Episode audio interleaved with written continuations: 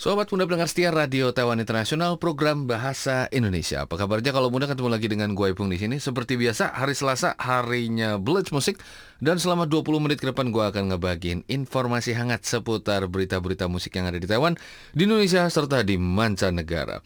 Udah sepekan nih kalau muda nih yang masih dalam suasana Imlek ya. Di sini gue beserta seluruh kru RTSI mengucapkan selamat tahun baru Imlek buat teman-teman yang merayakannya. Semoga kita semakin sehat, semakin maju ya, makin cuan di tahun 2022 ini kalau muda nih ya. Dan udah saatnya juga kita harus apa ya? nggak boleh berlama-lama lagi beristirahat ya kayaknya udah cukup selama ada yang libur tujuh hari ada yang libur delapan bahkan ada yang lebih gitu ya tapi sebisa mungkin ya uh, kembalikan uh, uh, posisi mental kita kembali lagi untuk melakukan aktivitas ya dan kalau misalnya teman-teman yang udah beraktivitas kembali, selamat beraktivitas. Dan buat teman-teman yang masih berlibur, selamat berlibur ya. Yuk, langsung aja di pekan ini gua akan ngebahas satu apa ya fenomena ini banyak banget ya uh, tepatnya pembicaraan seperti ini pembahasan seperti ini ramai dibaca eh, dibahas ya sama teman-teman uh, para pencinta musik pelaku ataupun penggiat ya uh, di bidang tentu dalam industri musik nih ya dan pekan ini gue juga coba untuk apa ya untuk merangkum ya uh, apakah pembahasan ini uh, tepat ya karena gue yakin banyak juga para pencinta musik eh, Pop ya yang juga merasakan mungkin ya mungkin ada yang merasakan hal yang serupa ya. Dan gue mencoba untuk ngebungkus ini dan mencoba untuk membahasnya dan semoga kita bisa jadi apa ya kita bisa dapat sebuah ilham yang baru di tahun yang baru ini juga nih ya. Yuk langsung aja gue akan membahas bagaimana caranya uh, terkait yang namanya seberapa menduniakah ya ketika artis pop Mandarin ya tur dunia Ya, banyak banget sering kita dengar ya uh, artis ini tur dunia, world tour, konser dunia dan lain sebagainya ya. Kita akan membahas seberapa menduniakah ketika artis pop Mandarin tur dunia ya. Dan gue yakin pembahasan sebesar ini, kayaknya gue nggak nggak akan sempet untuk ngebahas selesai di dalam satu pekan ya. Gue mungkin akan bagi jadi part part 1 dan juga part 2 nya nih ya. Tapi nggak apa, kita langsung aja dan kita coba karena pembahasan di pekan ini gue yakin cukup besar dan juga cukup dalam ya. Dan kita akan ngelihatnya. Agar karya sebuah proyek musik dapat didengarkan oleh masyarakat secara meluas ya. Bisa dibilang ini adalah impian dari banyak musisi ya, termasuk juga para pelakunya, para penggiatnya, vokalis maupun artis ya. Semakin banyak karya lu didengar oleh orang lain, tentu ini juga adalah sesuatu hal yang yang bagus banget kan. Semakin banyak orang yang tahu tentang hasil karya ya, apalagi karya lu sendiri dan akan semakin besar juga peluang dan juga kesempatan untuk naik ke jenjang yang lebih tinggi. Begitupun juga dengan pemasukan ya. Dokat yang masuk akan jauh lebih tinggi. Singkatnya, Semakin terkenal, semakin banyak peluang pekerjaan yang datang, semakin cuan kita juga. Ya, bener gak? Dan banyak banget ya. ya tentu bener ya kalau muda. Ngapain lagi berkarya kalau nggak ngecuan ya. ada yang bilang hobi, ada yang juga bilang oh ini adalah lahan bahasa dan lain sebagainya. Tentu itu semua kembali kenapa kita kerjakan ini karena bisa dibilang nilai ekonomisnya tentu tinggi dan ketika kita mengerjakan sesuatu tentu jangan nyerah dan juga jangan pasrah ya. Tetap tetap berjuang ya. Yuk lanjut lagi. Musisi dan artis di zaman sekarang tetap harus mengandalkan pertunjukan offline ya. Yang artinya konser ataupun pensi musik yang akan mendapatkan pemasukan secara langsung ya. Apalagi di zaman seperti ini, zaman musik digital, konser offline ya menggelar konser ya kan ataupun mungkin pensi musik dan lain sebagainya, itu adalah pemasukan yang paling besar nih ya. Skala konser baik besar maupun kecil, semuanya tentu memiliki modal pengeluaran ya. Prediksi pasar terhadap artis prediksi pasar terhadap sang musisi dan ini juga akan akan menjadi sesuatu yang krusial banget ya. Kali ini gue akan ngebahas ketika artis Mendepop menggelar konser ataupun tur dunia di luar negeri ya, seberapa menduniakah mereka ya dan harus dalam skala apakah ketika seorang artis menggelar tur dunia yang disebut mendunia ya karena banyak banget oh seje hui, seje hui seperti itu kalau muda. Tapi apakah uh, sebenarnya dalam kronol apa ya bisa dibilang skalanya itu sampai ke mana sih? Karena dunia itu bisa dibilang cukup besar. Apakah betul ada di setiap negara? Ada apakah betul apa ada setiap di benua dan lain sebagainya. Yuk kita kupas, kita bahas di sini ya. Lanjut lagi. Uh, menggelar konser ini adalah pemasukan terbanyak dari seorang artis ya, termasuk juga konser dunia ya. Tapi seberapa banyakkah ya tur dunia ataupun world tour dari seorang artis Taiwan yang akan dikenal di negara lain ya? Apakah betul ya uh, orang dari negara lain akan tahu Mandapop Taiwan ya? Uh, di mana notabene artis Taiwan pasti akan nyanyi dalam berbahasa Mandarin. Apakah betul para pendengarnya akan fasih dalam berbahasa Mandarin ya? karena uh, banyak banget yang beranggapan oh uh, dunia Mandarin itu hanya dikenal di beberapa negara yang memang uh, menggunakan bahasa Mandarin setiap harinya nih ya. Tapi kalau misalnya kita ngelihat uh, pembahasan seperti ini, apakah betul ya? K-pop mendunia banget ya. Semua orang tahu K-pop, tapi apakah semua orang fasih berbahasa Korea? Nah, ini, ini bisa dibilang adalah titik apa ya? Titik uh, titik fokus yang menurut gua nggak ada hubungannya sama bahasa apa yang dipakai ya. Karena kalau bicara soal K-pop, nggak semua orang fasih berbahasa Korea. Apalagi gue, gue juga nggak begitu ngerti bahasa Koreanya, cuma tahu satu dua kata aja. Yuk lanjut lagi. Gue di sini akan menyuguhkan dua nama artis besar di Taiwan ya, yang sering menggelar konser uh, dunianya uh, ataupun yang disebut world tour ya. Uh, ini yang gue lansir dari New Lens ya, Newlens uh, newlens.com Taiwan ya. Yang pertama adalah Jay Chou dan juga Chang Hui Mei ya. Kedua nama besar ini memang pernah menggelar world tour ya uh, konser dunia yang digelar uh, hampir memakan waktu 2 sampai 3 tahun ya, tergantung dari sang artisnya sendiri dan tempat yang dilaksanakannya. Jadi semakin banyak tempatnya tentu uh, span waktunya juga akan semakin ber, uh, akan semakin nambah ya. Yuk lanjut lagi. Yang pertama adalah Jay Chou, Chou Jielun ya. World Tournya, konser dunianya digelar uh, dari tahun 2016 sampai ke 2019 ya. Tiga tahun berturut-turut Digelar selama tiga tahun berturut-turut, ini juga mendapatkan julukan konser terhebat di muka bumi ya. Uh, dengan jumlah venue yang mencapai hampir 9 kota besar di Asia dan di beberapa negara di dunia ya. Di mana aja yuk kita jabarin ya. Uh, beberapa kota besar di Tiongkok seperti misalnya Shanghai, Beijing ya tentunya dan Chongqing uh, masih ada lagi juga di Sydney, ya, di London Inggris, di Paris, di Costa Rica, uh, di Las Vegas di Amerika Serikat, untuk di Asia Tenggara itu adalah Singapura dan juga Malaysia ya. Berikutnya ini adalah Chang Hui Mei ya. Bisa dibilang uh, dengan uh, world tournya konser dunia yang bertajuk ya Utopia, Utopia World Tour Concert. Ini digelar selama 2 tahun uh, 2015 sampai 2017 ya. Secara venue, kalau misalnya dijabarkan, Changhua memang akan lebih banyak kota yang didatangi ketimbang dengan Jeju. Di mana aja, yuk kita lihat ya. Beberapa kota besar di Tiongkok, betul seperti yang tadi, uh, misalnya di Shanghai, di Beijing, ya, uh, di Kanton, ya, Guangdong, dan juga ada lagi di Malaysia, Singapura, Melbourne, Sydney, New Zealand, uh, Milan, Italia, ya, Madrid, Spanyol, Vancouver, Kanada, New York dan juga Los Angeles, Amerika Serikat nih ya. Dan kalau misalnya dibilang secara peta dunia nih ya, uh, tentu nggak mencakup semuanya nih kalau muda nih ya. Ini yang gue lansir lagi dari newlands.com ya. Seorang kurator kultur pop Taiwan dari Sivan University, Sivan Daxue ya, Profesor Chuang mengatakan bahwa konser dunia dalam genre pop ini menempatkan dirinya kepada uh, nilai ekonomis ataupun garing pendapatan ya. Dalam hal ini juga juga uh, tentu akan mempertimbangkan latar belakang audiens ya serta uh, nilai ekonomi. Jadi calon penontonnya ini seperti apa aja dan tingkat antusiasnya seberapa tinggi ini dinilai berdasarkan dari nilai ekonomisnya. Setelah mendapatkan titik keseimbangan ya antara biaya produksi dengan dengan antusias dari calon penonton, maka keputusan akhir ini akan dicetuskan di manakah lokasi ataupun tempat dari konser tersebut akan digelar ya. Dan bisa dibilang Jaiso beserta dengan Chang Huemi ini adalah dua nama besar dalam sejarah Mandapop Taiwan ya. Siapa yang nggak kenal mereka ya. Dan di pekan lalu juga juga masih sempat uh, ngebahas tentang peraturan yang menurut gue cukup unik yaitu adalah peraturan ataupun undang-undang Chang Mei. Buat teman-teman yang di pekan kemarin uh, masih nyimak Blitz Musik tentu juga udah pasti tahu apa itu peraturan dan juga undang-undang Chang Mei ya. Lanjut lagi. Uh, bisa dibilang Jecho dan juga Chang Mei ini adalah dua nama besar dalam sejarah Mendapop Taiwan ya. Maka dari itu setiap pendengarnya pasti udah tahu siapa mereka ya. Jecho dan juga Chang Mei ya.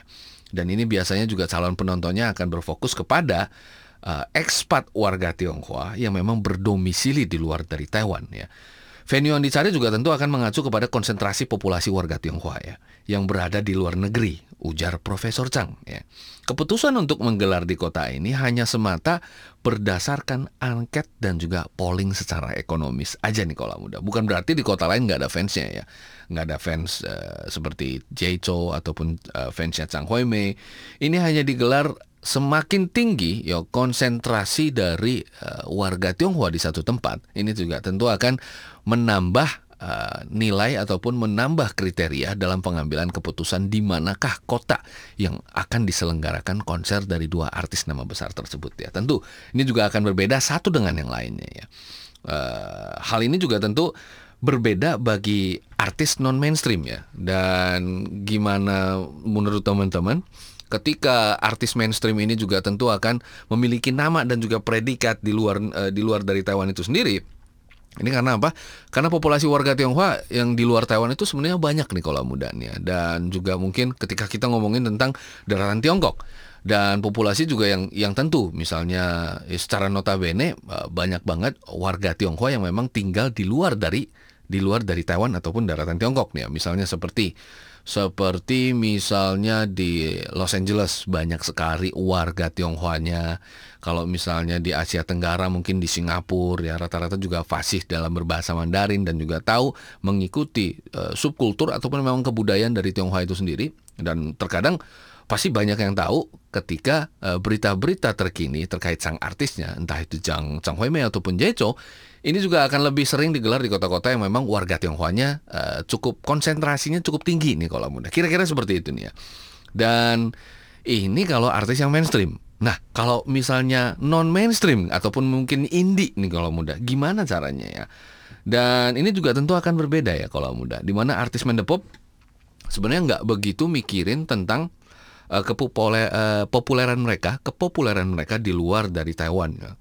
Tapi kalau misalnya band indie ataupun musisi indie, apakah memiliki cara kerja yang sama nih ya? Dan gue pengen pakai kesempatan ini juga untuk mengangkat bahwa sebenarnya band indie di Taiwan tuh banyak banget kalau muda nih. Terkadang memang punya kesempatan untuk keluar negeri ya kayak misalnya Elephant Gym ya itu adalah Tas yang Ticau ya itu juga pernah mentas di New York ya dan bahkan sempat mengikuti festival gitu ya kayak misalnya XX eh, XXSW ya di Texas Amerika Serikat juga masih banyak lagi sebenarnya band-band yang memang keluar ya dengan menggunakan nama dari indie ataupun mungkin non mainstream gitu kalau muda nih ya bagaimanakah mereka melaksanakan tour dibandingkan dengan uh, yang mainstream seperti misalnya Jaicho dan juga Chang Hui Mei tadi nih ya. Yuk kita ngelihat lagi ya.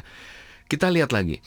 Dan kali ini juga gue akan memperkenalkan sebuah band indie Taiwan ya, yang yang bernama Lawang Yue Tui ya, Lawang Band ya, Lawang ya. Dan ini adalah manajer bandnya ya adalah Huang Tingxuan ya. Uh, menyatakan bahwa memang band indie untuk mentas di luar negeri ya ini biasanya nggak melihat dari jumlah fans yang berlokasi di suatu uh, di suatu tempat tersebut, misalnya di negara tujuannya, karena memang bukan itu tujuannya untuk pergi keluar dan melaksanakan ataupun menggelar konsernya. Karena memang secara basis ini udah beda banget ya, uh, titik fokusnya juga udah beda banget ya. Uh, bisa dibilang ketenaran nama itu bukan ketika dari penjualan tiket ya, melainkan untuk pergi ke sana, ngikutin festival dan biasanya titik fokusnya ini akan menjadi lebih krusial ya. Mereka akan mem, mem, apa ya, uh, memfokuskan dirinya kepada nilai-nilai di luar dari musiknya. Misalnya, faktor kebudayaannya, faktor silaturahminya. Jadi dengan pergi ke sebuah festival musik di luar negeri untuk mentas di atas panggung, setelah itu juga akan mungkin misalnya ngobrol dan mengikuti festival tersebut, jadi e, bermain di dalam festival tersebut, ini juga akan menambahkan nilai silaturahminya e, jauh lebih tinggi nih kalau muda nih ya dan sekaligus juga melakukan uh, pertukaran kebudayaan, misalnya ngobrol bareng dengan musisi-musisi lokal, ya kan, duduk bareng, ya kan, terus ngobrol tentang uh, tentang uh, dunia musik yang ada di negara tujuan tersebut, bahkan mungkin uh, juga melakukan rentetan wawancara misalnya dari radio-radio lokal, misalnya dari pers ya teman-teman media dan juga mungkin melakukan wawancara ataupun dokumentasi singkat gitu kalau mudah. Menurut gua nilai lebih inilah yang akan meninggalkan kesan ya, sebuah kesan yang sangat penting banget dibandingkan dengan mentasnya. Karena tentu Uh, bagaimanapun juga misalnya pertama kali ngedenger ngedenger sebuah band yang nggak pernah didengar sama orang lain sebelumnya kayak misalnya gue gue juga mungkin akan nempel satu dua lagu gitu loh. Sisanya mungkin nyari dokumentasinya tersebut dari band ataupun artis uh, indie tersebut nih ya. Lanjut lagi. Uh, sekaligus juga dari promosi untuk uh, band itu sendiri nih ya. Di saat yang bersamaan ya uh, bahwa nggak sedikit band indie Taiwan ketika menggelar konser di luar negeri ini harus dapat ya, harus dapat ya kalau mudahnya mandat bisa dibilang menyisihkan waktu ya untuk mengikuti festival ternama yang biasanya yang sedang digelar pada saat itu nih ya. Misalnya kebetulan lagi ke lagi ke Los Angeles gitu. Oh, kita harus ikut Coachella gitu loh, nonton aja gitu loh. Misalnya lagi ke Texas harus pergi ke XS eh, XXSW ya. Terus misalnya dan uh, misalnya kalau misalnya udah ke Jakarta gitu harus ikutin jazz festival Java Java Jazz gitu ya dan lain sebagainya. Banyak banget gitu kalau muda. Dan selain tujuannya apa? Selain dari mendapatkan pengalaman ya, di lain sisi juga pertukaran kebudayaan ini serta promosi dari band itu sendiri menjadi nilai yang sangat penting ya. Kira-kira seperti itu kalau kalau muda nih ya. Uh, ambil contoh lagi nih mungkin pembahasan terakhir di di pekan ini. Uh, jadi memang ada dua hal yang berbeda di mana uh, sebuah band ini ataupun mungkin sebuah artis, eh, seorang artis ya maaf, seorang artis ini akan mentas di luar negeri gitu loh. Dan misalnya ambil contoh Fire Exit Band ya, yang pernah memang menggelar konser di dunia di tahun 2017 di beberapa kota uh, di dunia. Pada saat itu juga dirasa membawa membawa banyak sekali ya uh, nilai positif dan uh, nilai tambahan ya, baik bagi penonton maupun untuk band musisi itu sendiri nih ya, terlepas dari baik buruknya atau sebuah respon dari penonton gitu ya. Ketika sebuah konser yang berhasil digelar di luar negeri dari indie band, maka perlahan tingkat expose untuk expose untuk sebuah band ini juga tentu akan menambah nilai lebih gitu kalau muda. Jadi seberapakah mendunianya uh, kembali lagi ke, ke tajuk awal ya, seberapa menduniakah uh, ketika artis Mendepop itu menggelar tur dunia ya. Kira-kira mungkin uh, teman-teman punya gambarannya ya karena memang eh, tempat yang digelar itu rata-rata juga memang memiliki calon penonton yang memang konsentrasi warga Tionghoanya akan jauh lebih banyak gitu ya.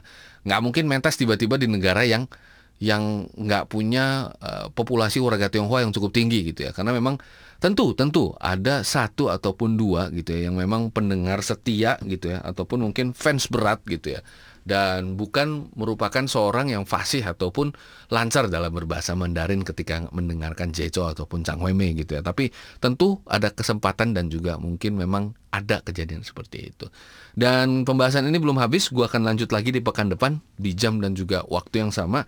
Semoga kita bisa membahas tuntas apa sih yang jadi seru untuk mentas di luar negeri ya. Dan gue akan pamit diri dulu sampai ketemu lagi di pekan depan di jam dan juga waktu yang sama. Ingat happy itu simple dan simple itu happy. Salam hangat dari gue pun. Bye.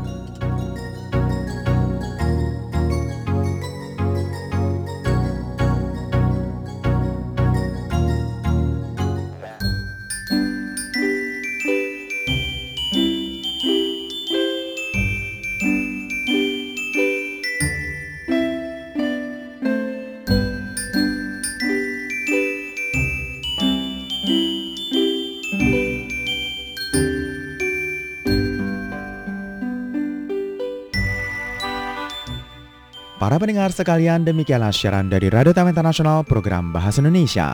Acara kami sendiri disiarkan tiga kali sehari antara lain, siaran pertama disiarkan pada pukul 10 hingga 11 UTC dengan gelombang SW 11915 kHz. Untuk siaran kedua disiarkan pada pukul 12 hingga 13 UTC dengan gelombang SW 11915 kHz. Dan siaran ketiga disiarkan pada pukul 14 hingga 15 UTC dengan gelombang SW 9735 kHz. Untuk acara hasil kerjasama dengan Kementerian Ketenagakerjaan Taiwan disiarkan setiap hari Kamis pukul 20 hingga 21 waktu Taiwan dengan gelombang MW 1422 dan siaran ulangnya disiarkan pada hari Jumat pukul 8 hingga 9 waktu Taiwan dengan gelombang MW 1422. Guna memudahkan pemantauan siaran dari RTI, silahkan mengunduh aplikasi Radio Taiwan Internasional di dalam gawai dan juga gadget Anda. Jangan lupa untuk menambahkan fanpage Facebook RTSI. Untuk kritik dan saran, silahkan kirimkan email Anda ke rtsi@rti.org.tw. Dan untuk surat tertulis, silahkan layangkan ke PO Box 123 strip 199 Taipei City, kode pos 11199 Taiwan. Para pendengar sekalian, jangan lupa untuk selalu mendukung dan mendengarkan siaran dari Radio Taman Internasional program Bahasa Indonesia. Terima kasih.